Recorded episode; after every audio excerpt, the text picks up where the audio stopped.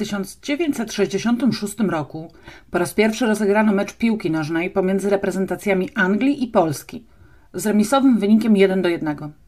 W Tbilisi uruchomiono metro, a w stanie Massachusetts zniesiono zakaz rozpowszechniania środków antykoncepcyjnych i materiałów informacyjnych na ich temat.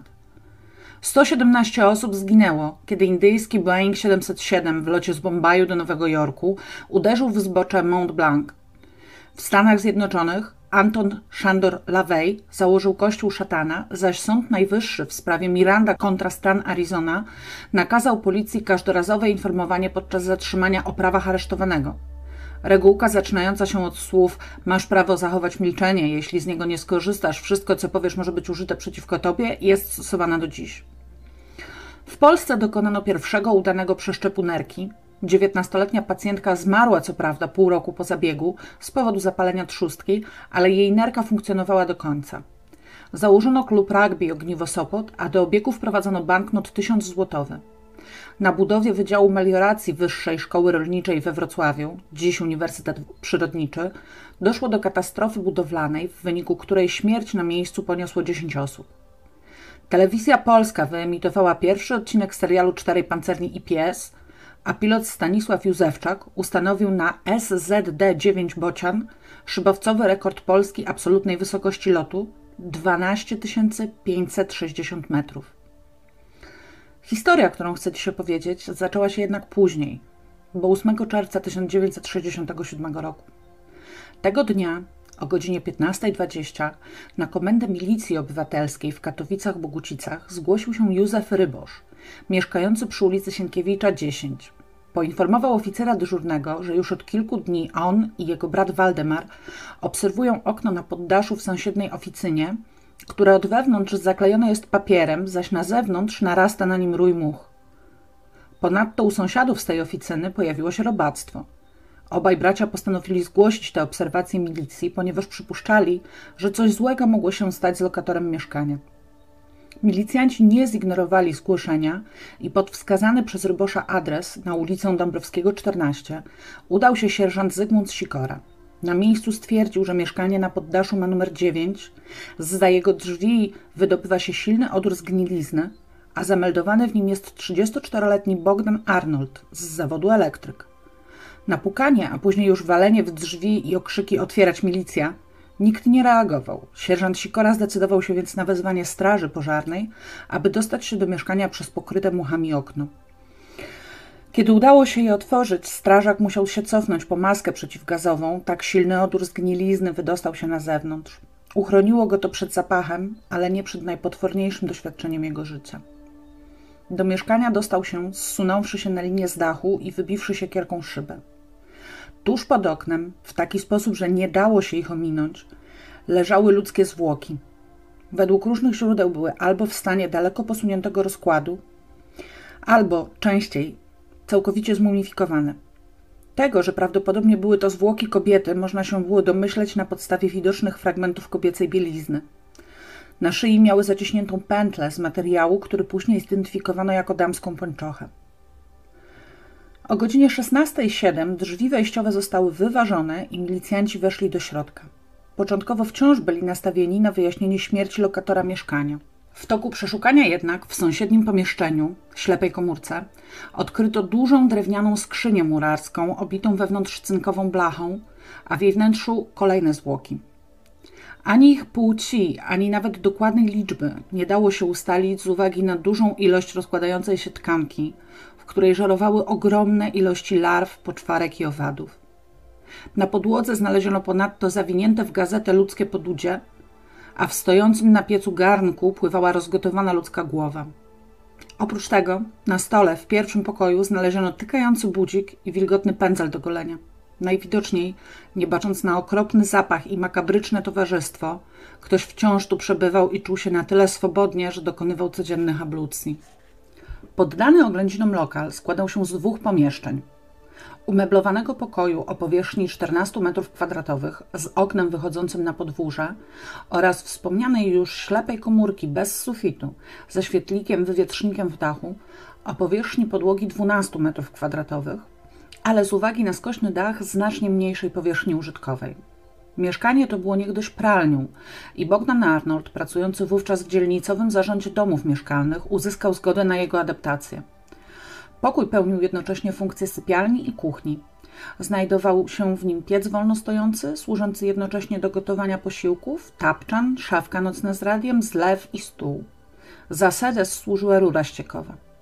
W drugim pomieszczeniu, oświetlonym jedynie świetlikiem, znajdowała się drewniana skrzynia obita wewnątrz blachą, o wymiarach 145 cm długości, 33 cm wysokości, szerokości 75 cm u góry i 40 cm u dołu, wypełniona szaro-brunatną masą tkankową zawierającą części ludzkich szkieletów, w tym dwie czaszki.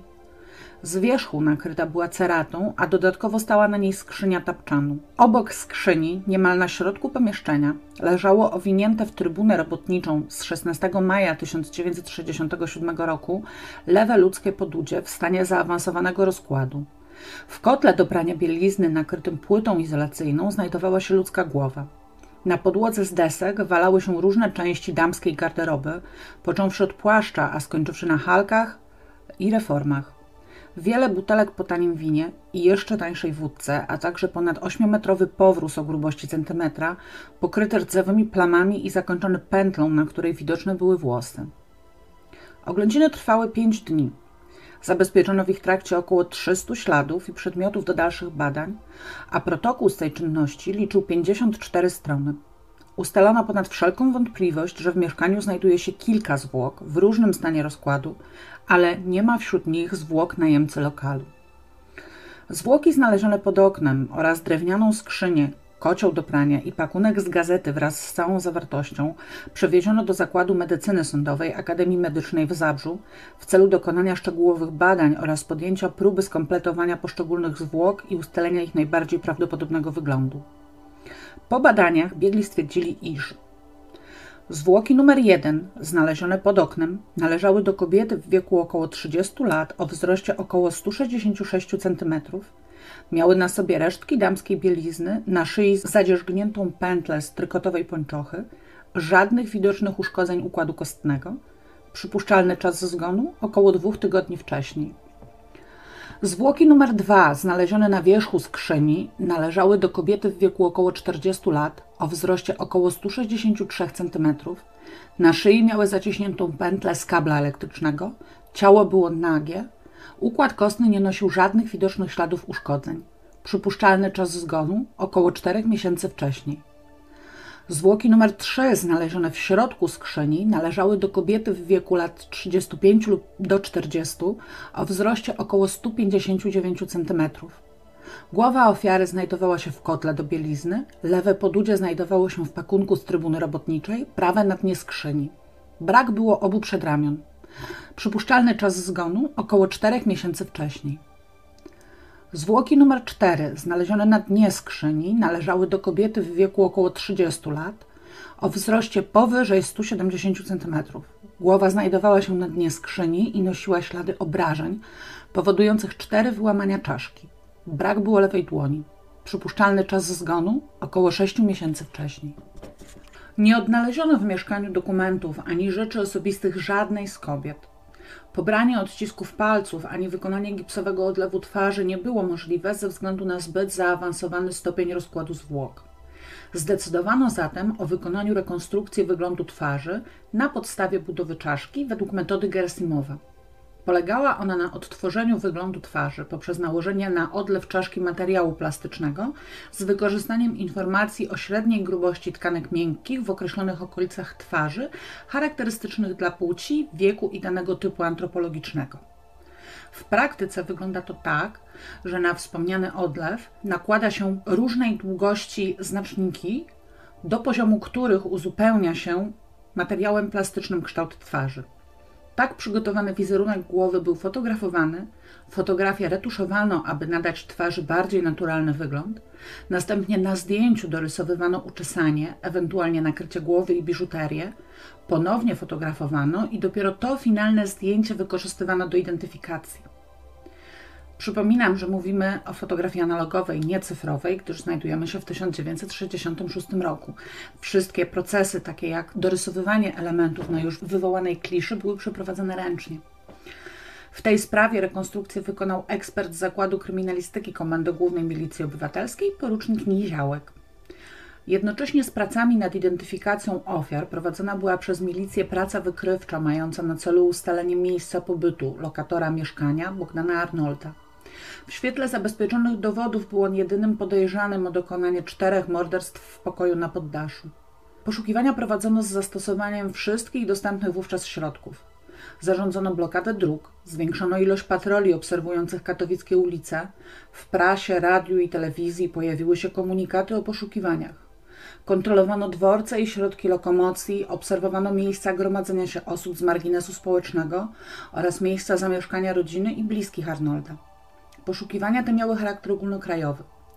Oprócz okropnego znaleziska na poddaszu, przyczyną tak szeroko zakrojonej akcji było podejrzenie, że to Bogdan Arnold może być sprawcą trwających od 1964 roku morderstw kobiet w Zagłębiu, który z jakiegoś powodu zmienił modus operandi. O sprawie wampira Zagłębia opowiem Wam za jakiś czas, obiecuję. Po sześciu dniach, 14 czerwca, około południa, milicja została wezwana do jednego ze sklepów spożywczych w pobliżu Huty Silesia. Ktoś rozpoznał w zaniedbanym, brudnym kliencie Bogdana Arnolda i wezwał patrol, podczas kiedy pozostali klienci i zainteresowani poruszeniem przechodnie uniemożliwili poszukiwanemu oddalenie się. Wyraźnie przestraszony perspektywą samosądu, Arnold nie stawiał oporu podczas zatrzymania. W momencie aresztowania milicja wiedziała już na temat Bogdana Arnolda całkiem dużo. Urodził się 17 lutego 1933 roku w Kaliszu. Miał dwójkę młodszego rodzeństwa.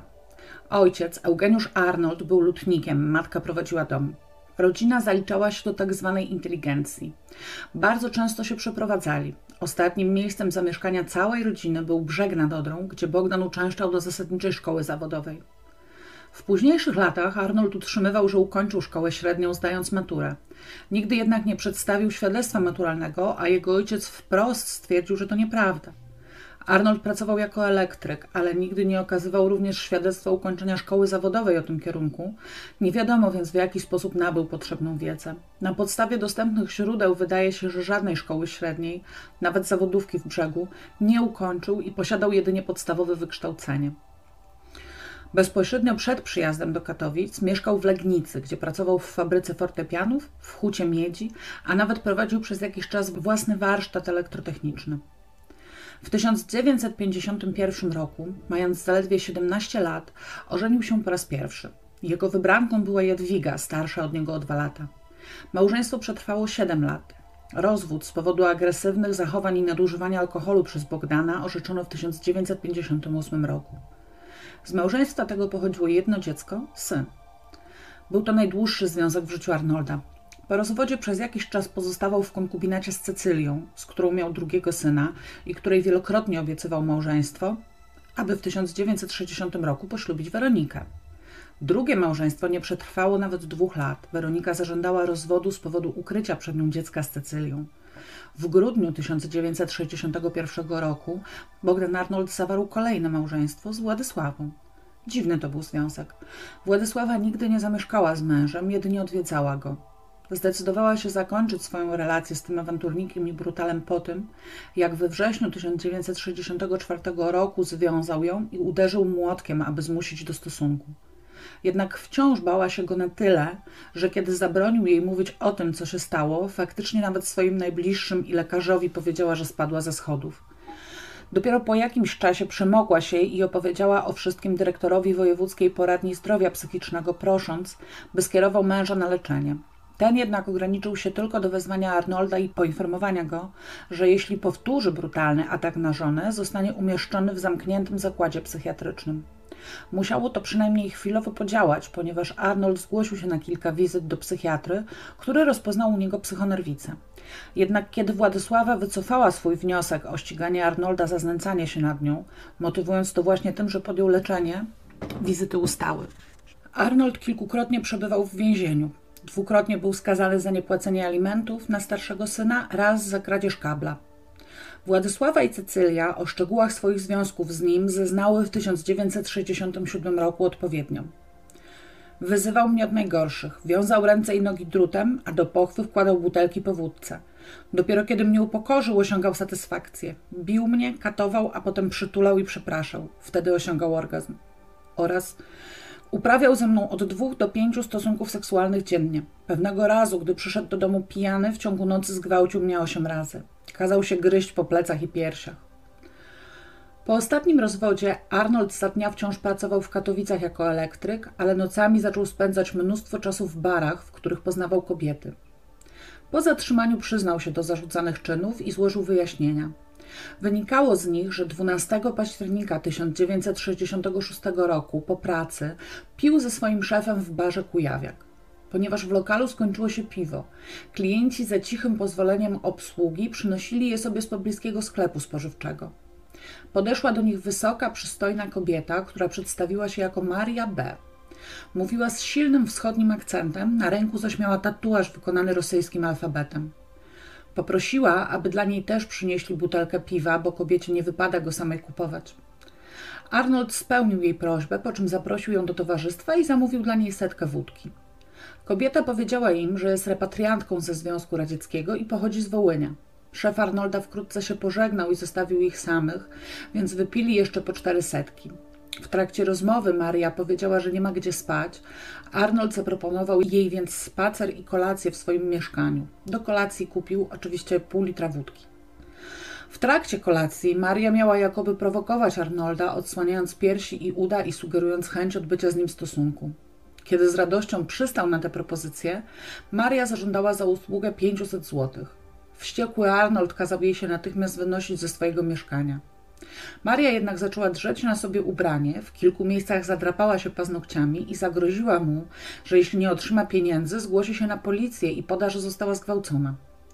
Arnold postanowił za wszelką cenę nie dopuścić, aby w ten sposób zszargała jego dobrą opinię wśród sąsiadów.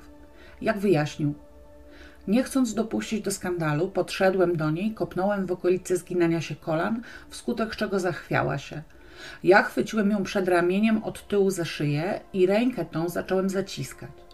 Ponieważ broniąc się zadrapała mnie w okolice nadgarstka, pod wpływem bólu chwyciłem leżący na kuchence młotek murarski, którym uderzyłem ją dwa lub trzy razy w głowę i poczułem, że jej ciało wiotczeje. Położyłem ją na tapczanie i spostrzegłem, że nie żyje. Byłem tak zdezorientowany, że nie wiedziałem, co robić i postanowiłem wyjść na miasto. Obawiając się jednak, że ktoś odkryje zwłoki, schowałem je do tapczanu. Przez trzy dni chodziłem pijany, a po trzech dniach postanowiłem zrobić z tym porządek. Porządek, według Bogdana Arnolda, wyglądał następująco. Przyniósł z pracy maskę półochłonną i gumowe rękawice, a następnie wyciągnął zwłoki z tapczanu, rozebrał je, odciął lewą dłoń, zawinął ją w część ubrań i spalił w piecu. Było to jednakże niezwykle czasochłonne, więc spalił jeszcze torebkę Marii wraz z zawartością, a co do następnych czynności wyjaśnił. Początkowo chciałem palić części zwłok, ale nie miałem węgla, a przy drzewie to nie szło. Otworzyłem więc przy pomocy noża kuchennego jamę brzuszną, skąd wyjąłem wszystkie wnętrzności, które kroiłem na kawałki i spuszczałem otworem kanalizacyjnym znajdującym się w moim mieszkaniu, zaś zwłoki umieściłem w skrzyni drewnianej obitej od wewnątrz blachą – dla przyspieszenia rozkładu zwłok chciałem kupić sodę kaustyczną, ale nie mogłem jej nigdzie dostać, wobec czego kupiłem około 10 paczek chloru. Rozpuściłem go i zalałem gorącą wodą. W ten sposób zapobiegłem dalszemu rozkładaniu się zwłok i tak leżały one w tej skrzyni aż do następnego morderstwa. Obciętą głowę włożyłem do garnka z ciepłą wodą. Nie mogłem znieść tego widoku, dlatego poszedłem się napić do baru. Kiedy wróciłem, postawiłem kociołek na elektryczny grzejnik. Zasnąłem. Po obudzeniu stwierdziłem, że zawartość kociołka zagotowała się. Skrzynia, która posłużyła Arnoldowi za miejsce przechowywania ofiar, oryginalnie była jego wanną. Po ugotowaniu włożył do niej z powrotem głowę, całość nakrył ceratą i skrzynią do tapczanu i więcej już zwłokami Marii się nie interesował. Dopiero kiedy milicjanci przedstawili mu zdjęcia kobiet zaginionych w tamtym okresie i tamtej okolicy, dowiedział się, że miała 39 lat, pracowała w Katowicach jako prostytutka dla swojego przyjaciela Emila S. Na stałe zameldowana zaś była na wsi w pobliżu Stargardu Szczecińskiego. W miejscu zameldowania pozostawiła dwuletniego syna. Emil S. nie poinformował milicji o jej zaginięciu. Arnold stanowczo twierdził, że nie miał zamiaru zamordować Marii, że dopiero kolejne ofiary zabijał z premedytacją. Jej nie. 22 października, 10 dni po zabójstwie Marii, wychodzący rano do pracy mieszkańcy kamienicy przy Dąbrowskiego 14 zobaczyli siedzącą na schodach półnagą kobietę. Jako, że drzwi wejściowe na noc zamykano, nie mogła ona sama opuścić kamienicy.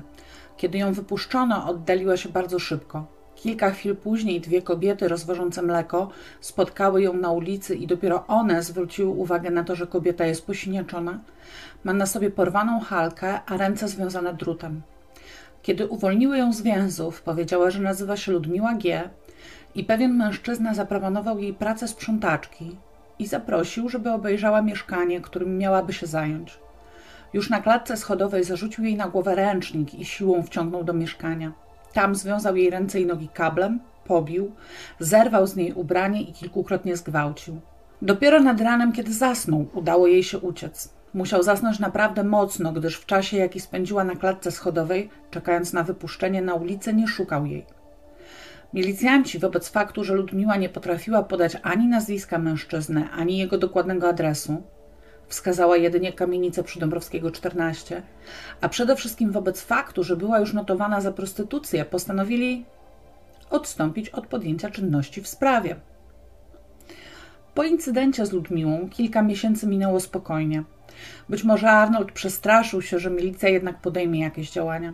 Dopiero 11 marca 1967 roku miał służbowo pojechać do elektrowni Łagisza, jednak poprzedniego dnia się upił. W związku z tym, że bardzo bolała go głowa, w drodze na dworzec PKS wstąpił na klina do baru Mazur na ulicy Mickiewicza. Tam poznał jakiegoś mężczyznę, który zaproponował mu dalsze wspólne picie, na co Arnold z radością przystał. Po jakimś czasie ten nieznajomy przyprowadził do ich stolika około 40-letnią kobietę i dalej pili wspólnie aż do popołudnia. Mężczyzna, którego danych nie udało się ustalić, w pewnym momencie odszedł, a Arnold zaproponował towarzyszce wizytę w swoim mieszkaniu. Niestety okazało się, że jest tak pijany, że nie jest w stanie mieć z nią stosunku. Związał więc równie pijanej kobiecie ręce i nogi i poszli spać. Następnego dnia poważnie ją pobił i kilkukrotnie zgwałcił. W pewnej jednak chwili usłyszał na schodach kroki, więc udusił ją, aby nie zaalarmowała sąsiadów. Później jednak zmienił to zeznanie i podał, że kiedy odbywał z nią stosunek, a ona była wciąż związana, usłyszeli kroki i chciała krzyknąć. Wtedy ją udusił. W późniejszych zeznaniach dalej zmieniał zdanie. Raz udusił ją, ponieważ odkryła zwłoki Marii, potem taki zamiar powziął już w barze. Nie zmieniał się jedynie opis tego, co zrobił ze zwłokami po zabójstwie. Bogdan Arnold rozebrał się, aby nie pobrudzić ubrania krwią, następnie rozczłonkował zwłoki przy użyciu piły i noża. Odciął głowę i kończynę, rozciął jamę brzuszną i wyjął z niej wnętrzności, które po pocięciu na drobniejsze kawałki wrzucił do rury, do rury kanalizacyjnej. Pośladki i piersi odciął, zmielił w maszynce do mięsa i również wrzucił do kanalizacji.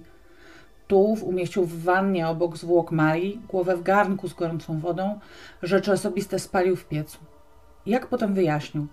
Po wyjściu tego kogoś ze strychu zrobiłem z tą kobietą to samo co z poprzednią, po czym poszedłem do kolegi i razem pojechaliśmy do Halemby. Później poszliśmy do nocnego lokalu, gdzie spotkaliśmy innych kolegów i popiliśmy tak, że do Katowic dojechałem ostatnim autobusem. Następnego dnia nie poszedłem do pracy i aby mieć jakieś usprawiedliwienie, postanowiłem złamać sobie palec. W tym celu owinąłem rękę szmatą, uderzyłem młotkiem. Doznałem pęknięcia kości palca. Nie zgodziłem się, aby mi palec dać do gipsu i po trzech dniach pojechałem do pracy. Nie pomogła nawet rekonstrukcja wyglądu twarzy. Nigdy nie udało się ustalić tożsamości tej kobiety. 19 kwietnia 1967 roku, kiedy Bogdan Arnold przechodził obok baru Hungaria, wyraźnie pijana Stefania M. rzuciła do niego: Pójdziemy, kochane? Na co przystał i razem udali się do jego mieszkania. Nie jest jasne, dlaczego Stefania zginęła. Po raz kolejny Arnold kilkukrotnie zmieniał zeznania odnośnie przyczyn decyzji o jej zabiciu, aby ostatecznie wyjaśnić. Spałem w nocy czujnie, by ona przypadkiem nie natknęła się na zwłoki tamtych dwóch ofiar. Rano postanowiłem tę kobietę obezwładnić i w tym celu posunąłem się do fortelu, twierdząc, że muszę iść do pracy, wobec czego i ona musi wstać. Oświadczyła, że jest śpiąca i prosiła, aby jej nie wyrzucać, abym ją zamknął, a gdy wrócę, to ją wypuszczę. Powiedziałem na to, że mam obawy, bo już raz zostałem w ten sposób okradziony, więc owszem, mogę ją zostawić, ale żeby się zabezpieczyć przed jakąś niespodzianką z jej strony, zwiążę jej ręce. Wyraziła na to zgodę. Związałem jej ręce z tyłu i oczywiście już do pracy nie poszedłem. Musiała tańczyć nago i prosić o odbycie stosunku seksualnego. Płacz był karany uderzeniami grubego pręta. Około czternastej doszedłem do wniosku, że trzeba zawiadomić zakład, dlaczego nie przychodzę do pracy, a ponieważ trudno mi było zostawić tę kobietę w mieszkaniu, spowodowałem jej śmierć przez zaciśnięcie przewodu igilitowego na szyi. Arnold przyznał się również, że raził Stefanie prądem w celu zwiększenia jej popędu seksualnego. Według niego spora ilość prądu dobrej jakości była doskonałym afrodyzjakiem. Po zabójstwie swoim zwyczajem oddał się kilkudniowej pijatyce po lokalach, a po powrocie rozebrał zwłoki, przeciągnął do wanny, głowę odciął i umieścił w kotle. Bardzo smutny jest fakt, że Stefania była w widocznym stopniu niedorozwinięta intelektualnie, a mimo to była w stanie utrzymać się jako prostytutka, gdyż tak wielu mężczyzn nie zwracało uwagi na jej osobę, a tylko na ciało. Bogdan Arnold nadal przebywał w swoim mieszkaniu, choć odór już trzech rozkładających się ciał stawał się nieznośny. Mało tego, nadal zapraszał do mieszkania prostytutki. A przynajmniej o jednej prostytutce wiadomo. 22 maja 1967 roku w okolicy dworca PKP zaczepił zmęczoną Helgę S., proponując, aby poszła do niego się rozgrzać. Kobieta, która według niektórych źródeł również była lekko upośledzona intelektualnie, przystała na propozycję. Jak później wyjaśnił Arnold, w mieszkaniu dałem jej coś przegryźć, postawiłem ćwiartkę i położyliśmy się spać. Pomyślałem sobie wówczas, że już za dużo tego wszystkiego i powiedziałem jej, że muszę się udać do kolegi w celu załatwienia delegacji. Odpowiedziała, że można to przecież zrobić rano. Upierałem się jednak przy swoim, a chodziło mi głównie o to, by doprowadzić do związania jej rąk. W rezultacie pozwoliła na to i oczywiście już nigdzie nie poszedłem. Odbywałem z nią orgię jak z poprzednimi ofiarami i trwało to przez niedzielę aż do poniedziałku. Kiedy miałem iść do pracy, postanowiłem z nią skończyć i w tym celu udusiłem ją jej własną pończochą, przytrzymując jeden koniec nogą, a za drugi ciągnąc rękami. Miałem możliwość usunięcia tak pierwszych, jak i kolejnych zwłok, ale ogarnęła mnie jakaś apatia i zaniechałem tego.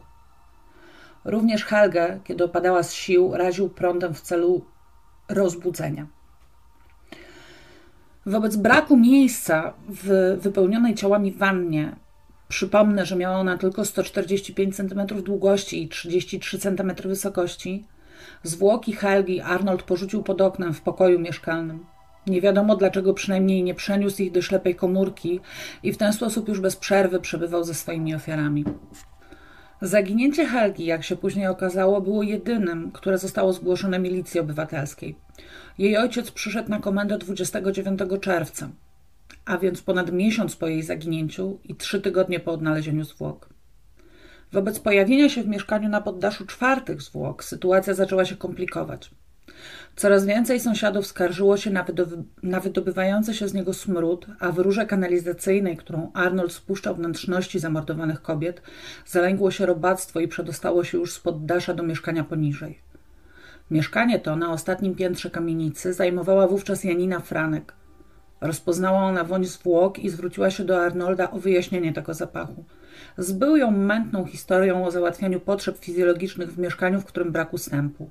Kobieta, pomimo tego, że rozpoznała woń gnijących zwłok, nie kontynuowała tematu i nikomu nie zgłosiła swoich podejrzeń. Pozostali mieszkańcy również zostawili spokojnego, nie rzucającego się w oczy sąsiada o przyjemnej powierzchowności w spokoju. Nie wyglądał ani nie zachowywał się podejrzanie. O cóż więc mieli go podejrzewać? Wobec nasilającej się uciążliwości przebywania w mieszkaniu, Arnold zaczął przesiadywać na dworcu i w pijackich melinach, a na Dąbrowskiego 14 pojawiał się tylko po to, aby podjąć kolejną nieudaną próbę wywietrzenia mieszkania i, jak już wiemy, ogolić się.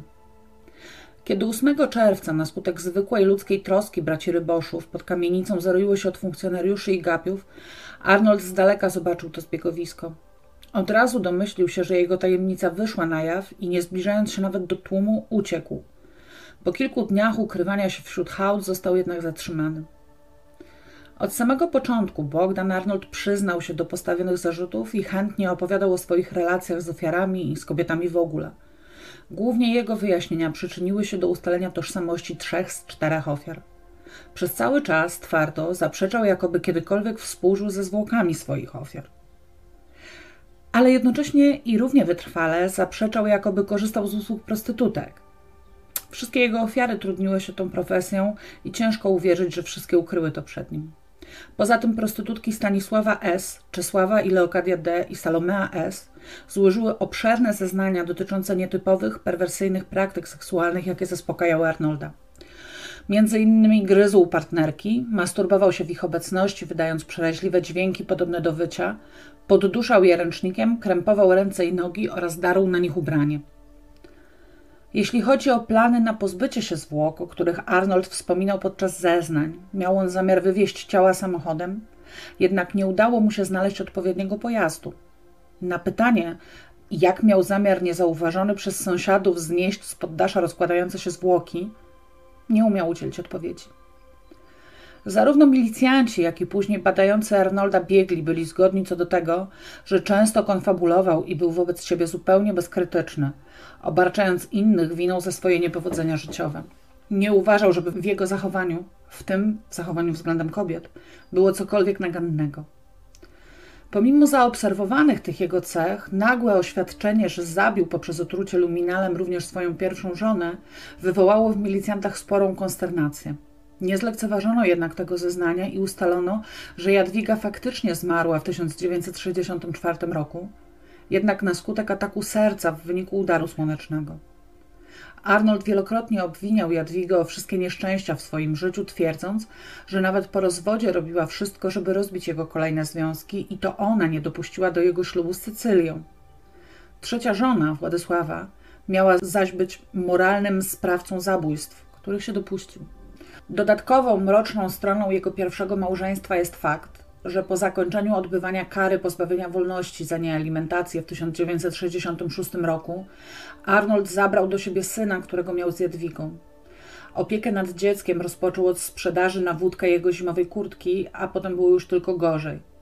Chłopak chodził ciągle głodny, praktycznie karmili go znajomi ojca, a gdy ojciec przyprowadzał do domu prostytutki, wyrzucał go do altanki na działce znajomego. Niekiedy pozwalał mu zostać, ale wtedy zmuszał go do picia wódki. Wiadomo, że chłopak widział, jak jego ojciec związał nieznajomej, około 40-letniej kobiecie ręce sznurem i rozebrał ją do naga, mimo że protestowała. Źródła nie podają, co działo się z chłopcem w okresie, kiedy w mieszkaniu jego ojca znajdowały się zwłoki ofiar i potem po jego skazaniu. Myślę, że to dobrze. Życie z piętnem dziecka mordercy musiało być koszmarem. Co do motywów swojego działania, Arnold twierdził, że kierowała nim nienawiść do kobiet i chęć ukarania ich. Winą za zrodzenie się tej nienawiści obarczał swoje żony, z których żadna nie chciała spełniać jego fantazji seksualnych. Kategorycznie przy tym zaprzeczał, aby mordował jedynie chcąc doznać satysfakcji seksualnej. Jak zeznał, do czasu pierwszego morderstwa nie korzystał z usług prostytutek. Do chwili dokonywania morderstw perwersję uprawiałem za zgodą partnerek. Przyszłe ofiary zwracały się do mnie z prośbą o odwiązanie rąk, a ja mówiłem, że zrobię to wtedy, kiedy uznam za stosowne. Potem biłem te kobiety i zastraszałem, przez co doprowadzałem je do całkowitej apatii, po czym były mi powolne. Innego nacisku nie stosowałem. Brutalny charakter popełnionych zbrodni, zachowanie się oskarżonego w śledztwie oraz fakt zamieszkiwania ze zwłokami przez kilka miesięcy stanowiły podstawę do poddania go badaniu psychiatrycznemu. Arnold uważał, że został skierowany na obserwację, ponieważ świadomie dopuścił się tak okrutnych czynów, że według prowadzących śledztwo na pewno nie jest normalny. Podczas sześciomiesięcznej obserwacji w szpitalu w Grodzisku Mazowieckim Bogdan Arnold przez pierwsze dwa miesiące zachowywał się poprawnie. Jednak potem dochodziło z jego strony do gruźb pod adresem personelu i współpacjentów, których jednak nigdy nie próbował zrealizować. Przy czym przez cały czas starał się być autorytetem i wzorem dla pozostałych pacjentów. Sporządzona przez biegłych opinia sądowo-psychiatryczna brzmiała – w toku aktualnych badań, obserwacji i w zebranej dokumentacji dodatkowej nie dostrzeżono żadnych objawów mogących świadczyć o istnieniu procesu psychotycznego. Pacjent przeczy omamom, jego wypowiedzi nie noszą cech urojeniowych, zachowanie w życiu codziennym nie nasuwa podejrzenia, by je dyssymulował. Sugerowana przez niego nienawiść do kobiet, mająca być motywem zarzucanych mu czynów, co mogłoby nasuwać podejrzenie zaburzeń psychicznych, nie znajduje potwierdzenia. Świadkowie potwierdzili, że Arnold utrzymywał jednocześnie kontakty seksualne z kilkoma kobietami, zaś jego stosunek do koleżanek z pracy i znajomych z kręgu towarzyskiego zawsze był poprawny. Biegli uznali zatem, że deklarowana nienawiść była wyłącznie wtórną racjonalizacją działań. Przeszłość Arnolda oraz jego zachowanie podczas obserwacji zdradzały natomiast szereg sytuacji psychopatycznych, takich jak wczesne zerwanie kontaktu z rodziną, usamodzielnienie się w bardzo młodym wieku, niewykorzystane możliwości intelektualne, nieukończenie żadnej szkoły średniej, brak matury, lekceważący stosunek do pracy, brak umiejętności nawiązywania prawidłowych więzi rodzinnych. Na podstawie jego częstych zmian pracy i nietrwałych związków z kobietami przyjęto również, że miał słabo wykształcone umiejętności dostosowania się do norm współżycia społecznego. Biegli stwierdzili, że w życiu jego obserwuje się liczne przykłady niedostatecznego poczucia odpowiedzialności moralnej za czyny, jakich dokonywał. Wiadomo, że miał on szereg spraw o uchylanie się od płacenia alimentów, nie interesował się synami, był oskarżony o kradzieże. Był zawsze nieprawdomówny i nieszczery, nigdy nie wyrażał żalu i nie dostrzegano u niego wyrzutów sumienia za czyny, jakich dokonał. Wszystko to wskazuje na psychopatyczne, niedostateczne wykształcenie uczuciowości wyższej. Dzień dobry wieczór. Mamy piękny, cieplutki lutowy dzień, a ja jestem na urlopie. Uznałam, że wobec tego najwyższa pora opowiedzieć Wam bardzo niezwykłą historię.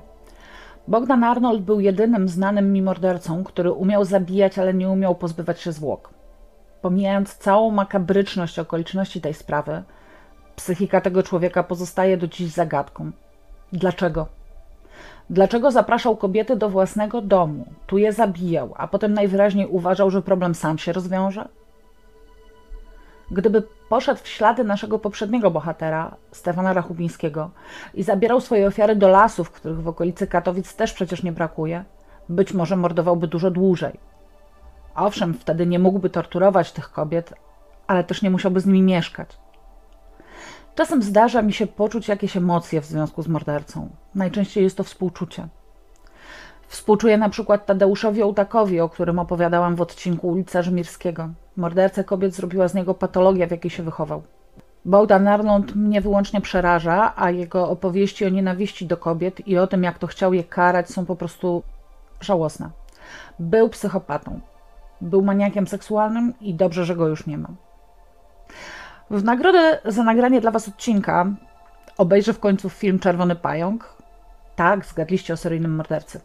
Robiłam do niego już chyba dwa podejścia i ciągle coś mi przeszkadzało, więc dziś wyciszam telefon i oglądam.